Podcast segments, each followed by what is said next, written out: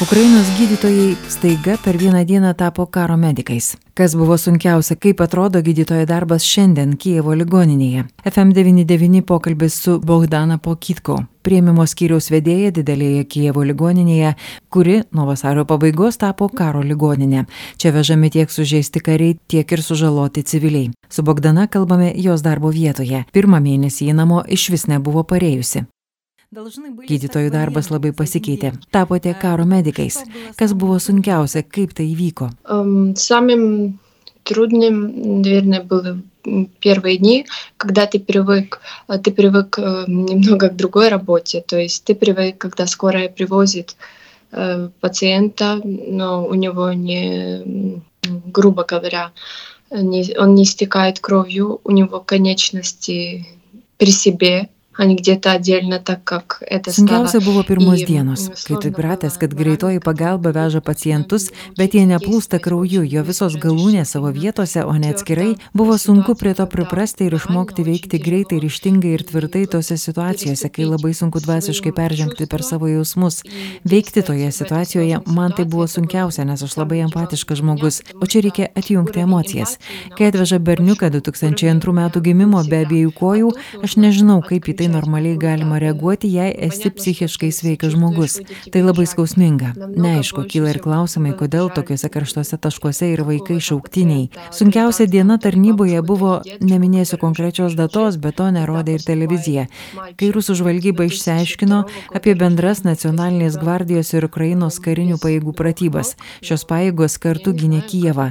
Ta diena jie suringė bendras pratybas ir rusų žvalgyba išsiaiškino vietą. Ten buvo surinktos atakos. Numesta kasetinė bomba, paskui apšaudyta iš malūnsparnio. Jie iškart užpuolė dvi vienas stipriausių brigadų, kurios gynė Kijevą. Ir tada vienu metu mums į ligoninę atvežė 35 žmonės. Tada mums teko prisiminti, ką reiškia rūšiavimas kare. Yra toks medicininis terminas. Geltonas, žalias, raudonas ir juodas. Juodas miręs, žalias lengvas ligonis, kuris gali palaukti, geltonas vidutinio sunkumo, raudonas turi atsidurti operacinėje tuo jau pat. Tad tuomet po penkių minučių po atvažiavimo pas mus vyko dešimt operacijų vienu metu, jie nebegalėjo laukti nei minutės. Mūsų ligoninė tikrai didelė, bet užėmėme visas operacinės kiek yra. Ir tai buvo labai sunkus sužalojimai. Kasetinės bombos draudžiamos visame pasaulyje, bet Rusijai niekas nedraudžiama, jie turi savo karo taisyklės. Tai buvo pati sunkiausia darbo diena. Aš darbę vien tik koridoriais nuėjau apie 20 km. Sudėtingiausia pradžioje toks šokas, kai supranti, kad juos veža nebe greitosios pagalbos ar kariniais mediciniais automobiliais, o tiesiog zylais, kuriuose suguldyti sužeistieji artimieji, nes labai stengiasi, kad kuo greičiau pristatyti juos į ligoninę. Ta vieta, kur juos užpuolė, buvo labai arti, apie 5 km nuo ligoninės. Mes išgirdom sprogimą, sutrebėjo langai, supratau, kad kažkas bus. Sprogimai buvo tokie stiprus, kad nors ir už 5 km, bet drebėjo ligoninės sienos. Paprastai po to, kai išgirstam sprogimus, sužeistosius pradeda vežti už maždaug 12 minučių. Šį kartą tai buvo 7 minutės, bet mes jau buvom visi pasiruošę. Darbo specifika pas mus labai pasikeitusi. Paprastai būdavo, kai atvažiuoja greitosios pagalbos automobilis, tuomet kviečiam gydytoją, kuris reikalingas. Tačiau dabar visi gydytojai sutinka sužeistuosius, keletas chirurgų, anesteziologų, iškart juos intubavo prieimime, nes kai kuriems reikėjo narkozės tą pačią akimirką, kad neprarasti ne minutės. Mums iš dalies pasisekė, kad mūsų naujas ligoninės vadovas kariškis, dirbęs daug kur karo zonose ir Ukrainos rytuose 2014-2015 metais. Jis žino, kas yra karo medicina, ko negali galima pasakyti apie mus, kitus gydytojus. Dabar jau ir mes žinom, karas privertė išmokti. Tad tai buvo didelis pliusas, nes kai atvežė tos 30 jaunuolių, jis pats išėjo į gatvę ir darė rūšiavimą. Jis chirurgas su didžiulė patirtimi. Jis prisėmė atsakomybę, nustatydamas, kas bus žalias, kas raudonas, kurį iškart vežti į operacinę, o kas gali palaukti. Tai atsakomybė, kur negalima daryti klaidų. Kariškiai labai kieto būdo ir jis toks. Mes kalbėjomės ir man jis paaiškino, kodėl jis toks. Pas mus atvežė vaikinas su peršauta širdimi. Jo širdis sustojo ant operacinio stalo. Dėkui Dievui, neprieimime, o jau operacinėje. Chirurgai buvo atidarę krūtinę ir tada sustojo širdis. Jis su kitu chirurgu masažavo širdį tiesiog ranka ir tai vaikinui išgelbėjo gyvybę. Tai išties stebuklas, kai kulka peršauna širdį ir žmogus išgyvena. Jis sako, štai dėl ko aš toks, dėl ko šaukiu, kai kur nors dėlsima, nes kiekviena minutė labai svarbi.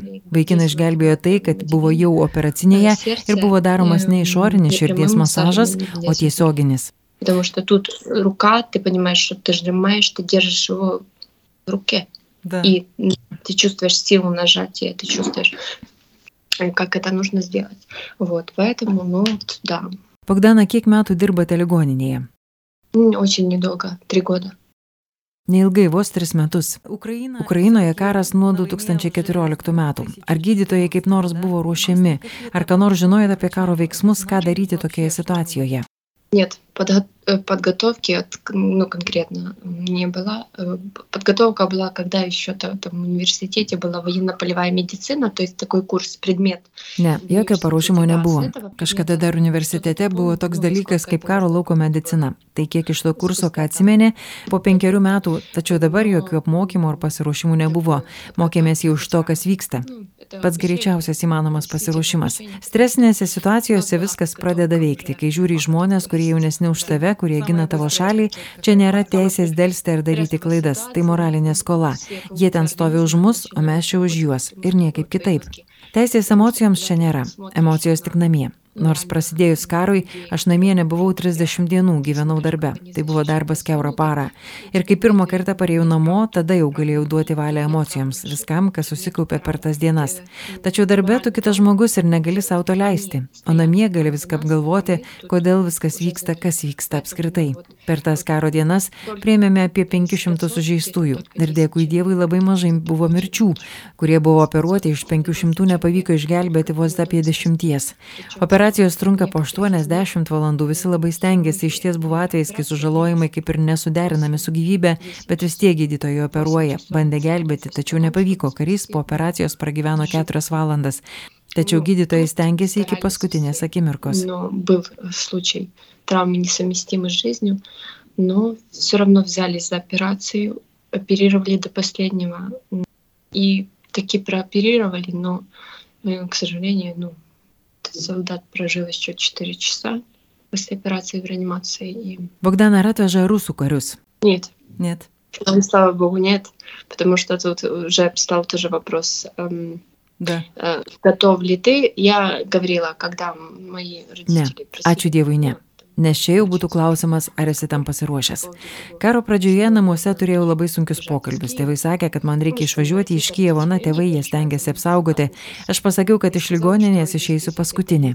Bet jeigu atveš rusų karius, kurias reikės gydyti, aš išeisiu pirmą. Tai mano pozicija. Aš nesimčiau ir net nepreičiau. Na, sako, tai žmonės, kažkieno vaikai, man jie ne žmonės. Tie, kas sako, kad tai žmonės, pažiūrėkite į bučią borodenką, pažiūrėkite kūnuose išdegintas Z raides. Žmonės taip nesielgia, žmonės neprievartauja moterų, neprievartauja vaikų. Tai ne žmonės ir todėl pagalbos ne žmonėms aš nesuteikčiau. Tai mano teisė. Taip, yra straipsnis už medicininės pagalbos nesuteikimą. Nežinau, kaip būtų vertinama šiuo atveju. Pirmomis dienomis, kai dar tikėjau, kad jie nežinojo, kur eina, tačiau paskui mačiau daugybę video socialiniuose tinkluose, kaip jie kalbasi, kur jie važiuoja, kad jie puikiai viską žino, po to man jų negaila, neturiu nei lašo gailėšio.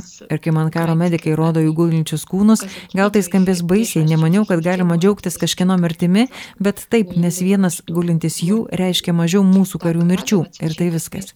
Arba arba. Jie juk nieko negaili. Kodėl mūsų žmonės turi jų gailėti? Plius один он лежит, это значит, что минус смертей будет наших солдат. Вот и все. Тут или-или. Нет такого, что кто-то... Ну, они же никого не жалеют. Почему, почему наши люди должны, должны жалеть их? Bučio Borodenka, apie kurias kalbėjote, žmonės ilgą laiką negalėjo iš ten išeiti, ateiti ieškoti pagalbos, net ir sužeistieji negalėjo pasiekti ligoninės. Dabar jie ateina. Совершенно верно. Сейчас продолжается, мы принимаем особенно гражданских людей, которые Taip. Ir dabar priimam civilius, kurie buvo sužeisti, bet negalėjo patekti į ligoninę, buvo rusiuose su, pavyzdžiui, sužeista koja. Ir labai dažnai su tokiais sužeidimais dabar jau audinių nekrozė ir dažnai daugeliu atveju reikalinga tik amputacija, nes nebelikia gyvų audinių kojoje, pavyzdžiui, žemiau kelio ar klubo. Ir dabar žmonės ištraukia iš grįvėsių, iš rusių labai blogoje būklėje, atveža ir mes ieškome, kokios pagalbos jiems reikia - chirurginės, terapeuto, kardiologinės, reikia spręsti, nes, pavyzdžiui, žmonėms sutrikia širdies ritmas juos reikėjo gydyti, bet nebuvo įmanoma, nes jie tiesiog negalėjo išeiti.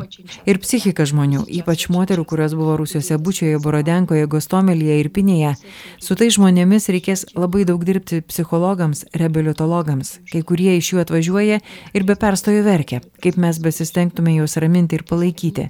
Kaip tu gali palaikyti žmogų, kuris matė ir pergyveno tokius dalykus. Moterį, kurios užmušė vyrą ir brolį, ji viena liko gyva ir tuo visai nesidžiaugia, nes liko viena. Todėl kasdien ir vakar ir šiandien teritorinės gynybos žmonės gelbėtojai veža ir veža žmonės, kuriuos randa. Kai kurie labai ir nenori važiuoti į ligoninę, bet ten teritorinėje gynyboje dirba puikūs vaikinai. Jie įkalba važiuoti gydytis. Ypač seneliai ir močiutės, juos reikia smarkiai kalbinėti, kad atvažiuotų į ligoninę. И госпитальеры начинают привозят и привозят людей, которые находят, да? Которые, да, которых находят. Некоторые из них очень не хотят ехать в больницу, но прям, ну там очень хорошие ребята в теробороне, они прям заставляют их, чтобы они поехать полечить, но особенно бабушки и дедушки, вы же понимаете, некоторые да. из них. И ну, такая ситуация, что они прямо настаивают, прямо садят их в машины, ну вот поедем, мы вам поможем. Ar pas jūs atveža vaikus? Нет, нет, нет. Наша больница, у нас есть Не. Buvo vienas berniukas, kuris nusikirto pirštą tiesiog pats ir mūsų buvo artimiausia ligoninė. Tad suteikėm bandicinę pagalbą ir tuoj pat pergabinom į vaikų ligoninę. Pas mus vaikų neveža, nes yra didelė specializuota vaikų ligoninė. Nes visgi skiriasi darbas su vaikais narkozės, dozės, panašus klausimai, nuo to priklauso gyvybė. Tad dėkui Dievui vaikų pas mus nėra. Nors labai juos myliu, bet nenorėčiau tokiu būdu juos čia matyti. Kokios istorijos jūs įkvėpė dirbti šioje situacijoje. Bogdana išbėga ir sugrįžta su ženkleliu. Вот этот значок сделали для меня солдаты. Štai šis ženklelis - Ukrainos herbas. Kariai man padarė jį patys rankomis iš gilzės. Tai mano didžiausia brangenybė, kurią turiu. Buvo ir situacija, nors tai net ne su Ukrainos kariu. Mums atvežė žmogų su labai sunkia kontuzija. Tokios sunkios kontuzijos net nebuvau mačiusi. Žmogus negalėjo ištarti nie žodžio, tokia buvo smūgio banga. Nors jis jau buvęs karo veiksmuose ir 2014 metais ir labai gerai pasiruošęs. Tad atvežė jį, mes pakvietėm neurologą daryti tyrimus, jis sėdė vežimėlyje, o su juo stovi karys. Glostojo ranką, galvą, kalba rusiškai, bet su stipriu akcentu. Pagalvojau, kad Lenkas, ten Lenkai jau buvo pas mus. Pradėjau su juo kalbėti angliškai, paklausiau paklausiau iš kur, o jis atsakė iš Junktinių valstijų. Sako, aš amerikiečių hoholas. Paskui jis dar sugrįžo, labai palaikė tą ukrainietę ir perdavė man ženkliuką, kur kartu Ukrainos ir Junktinių valstijų vėliava ir paprašė, kad perduočiau jo draugui. Kita, kai mums atvežė daug kontuzytų kariškių iš užsieniečių batalionų. Buvo vienas Lenkas, kuris nebuvo ir sužeistas, tiesiog smarkiai sirgo. Vėliau jis man paskambino ir pakvietė į prieimimo skyrių. O nuėjusi pamačiau tuos vaikinus. Tas, kurį paguldėme į ligoninę ir kiti, kurie jį lydėjo su gėlėmis, trimis puokštėmis puokštėmis geltonų tulpių man ir mūsų skyriaus medicinos seselėms. Ir kai matau tokius vyrus, yra viltis, kad mūsų šalyje gali kažkas būti. Kai atvyksta pacientas su sutrikusiu širdies ritmu, besidaužančia širdimi, tai rimtas kardiologinis sutrikimas. Jį reikia paguldyti į ligonę. Prašau aš, prašo kardiologas, kelios medseserys, o jis sako, ne, aš turiu eiti į karą, negulėsiu čia. Na, mes jį privertėme, jis pabuvo dvi dienas, atstatėm ritmą ir jis pareikalavo kuo greičiau išrašyti, nes jam reikia atgal į karą. Nenorėjo gulti į ligoninę iki paskutinio. Net ir tas smarkiai kontuzytas vyras, aš bijojau, kad jam insultas, nes iš kalbos taip atrodė. Paskui aš jį aplankiau reanimacijoje, daviau savo telefoną, kad galėtų paskambinti žmonai, nes reanimacijoje savo telefono negalima turėti.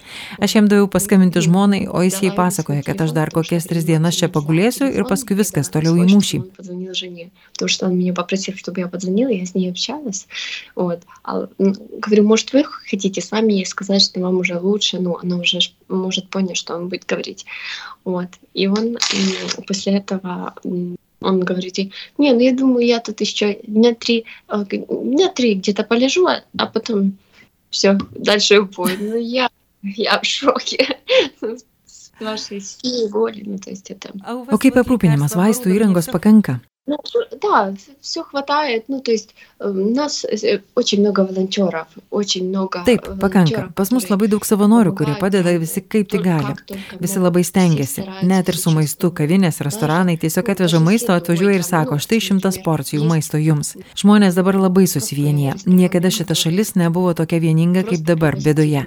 Ir vakarai, ir pietus, ir rytai visi itin draugiški ir tapo viena šalimi. Anksčiau buvo šiokia tokia atskirtis ir dėl kalbos, ir vakarų vakaruose gyvenančius pavadindavo ir banderovcais ar nacistais, būdavo kartais, bet dabar nieko panašaus nebėra. Visi vienas kitam padeda, kiek vakaruose esančiose miestuose prieėmė svetimus žmonės pas save, rūpinasi jais kaip savo giminaičiais, daro viską, kas įmanoma, kad tik jiems būtų patogu. Городов принял сейчас чужих людей просто к себе и заботятся про них так, как ну, о своих родственниках. Они делают все возможное для их комфортного пребывания вне дома, их mm. домах. Поэтому O kaip jūs ar jaučiate saugiai? Kievo gatvėse mūšių gal ir nebuvo, bet buvo oro atakos nuolat, štai dabar vėl grasinimai, kad gali būti kerštas už nuskandintą kreiserį Maskva. Kaip jūs jaučiatės? Сейчас вчера и позавчера ночью опять длилась очень долго воздушная тревога. Vakar ir užvakar vėl buvo oro atakų sirenos ir vėl buvo oro raketų smūgiai Kijeve. Kiek toliau gal nei anksčiau, ten, kur aš gyvenu, girdėjau tik sirenas, bet nesprogimus. Saugi nesijaučiu, bet jaučiuosi savo vietoje. Savisaugos instinktas išsijungia, kai jauti moralinę skolą savo šaliai. Да, то есть Тут э, инстинкт самосохранения выключается, когда включается Э, когда ты чувствуешь моральный долг перед своей страной. Kaip su tuo susitvarkyti, koks turi būti gydytojas staiga atsidūręs karo centre? Žmonės atvažiuoja labai prastos ir psichologinės būsenos, tačiau gydytojams irgi labai sudėtinga. Я не знаю, не могу ответить на этот вопрос, потому что я в шоке сама. Я очень сильно все принимаю близко к сердцу по жизни. Вот такой меня Nežinau, negaliu atsakyti į šį klausimą. Aš pati šokė. Aš šiaip labai imu viską iš širdį, bet dabar turbūt organizmas sukaupė visas įmanomas mano jėgas. Mes dirbam dėl rezultato, visa kita išsijungia. Ir kai matai, tai, kad visi kariai išoperuoti, viskas sutvarkyta, tuomet gali lengviau atsidusti. Tad yra tikslas ir organizmas žino, kad pasiduoti negalima ir prisitaiko. O paskui, jau kai pareini namo, turi laiko apgalvoti ir visas situacijas. Kartais pareini namo. Taip, anksčiau mes nuomavome būtą kitur, toliau, dabar persikraustėm prie pat, tam, kad galėčiau kartais pareiti namo. Dabar iki darbo eiti man dvi minutės, o jei bėgti, tai galiu ir per vieną minutę. Iš kiemo matosi ligoninė. Для этого я это сделала, чтобы иногда быть дома, а если вот нужно быть, я на работе через две минуты. То есть это если, если идти. А если бежать, то можно быть и через минуту. Это соседний, ну, то есть вот со двора домов, где я живу, видно мою больницу. То есть это очень близко. Ar turite kolegų iš užsienio, kurie dirba su jumis? А, да, у нас была, у нас были врачи из Германии, Buvo apie dvi savaitės gydytojai iš Vokietijos, kurie mums padėjo, bet dabar mums gydytojų užtenka, nes sugrįžo mūsų gydytojai, kurie dirbo privačiose klinikose. Dabar jie čia dirba savanoriškais pagrindais nemokamai, nori padėti buvusiems kolegoms. Просто за идею, просто чтобы помогти, помочь своим своим бывшим сотрудникам, бывшим коллегам, друзьям, то есть тут нет проблем. Tose sunkiausiose vietose Mariupolyje, ten ligoninės tebe dirba. Работают. Работают. И люди работают тоже круглосуточно. Dirba. Ir žmonės dirba keurą parą. Gydytojai apskritai neturi išeiginių. Kai pasirinki šią profesiją, turi būti tam pasiruošęs, bet kuriuo paros metu. Taip ir Mariupolyje. Bombarduoja miestus, bet žmonės toliau dirba, nes tai jų pareiga. Там люди на работе. И бомбят города, бомбят больницы, бомбят все, но люди все равно остаются на работе, потому что они, это их daug. Vienos Kievo ligoninės prieimimo skiriaus vedėja Bogdana Pokitko kalbino Vilija Kvedaraitė.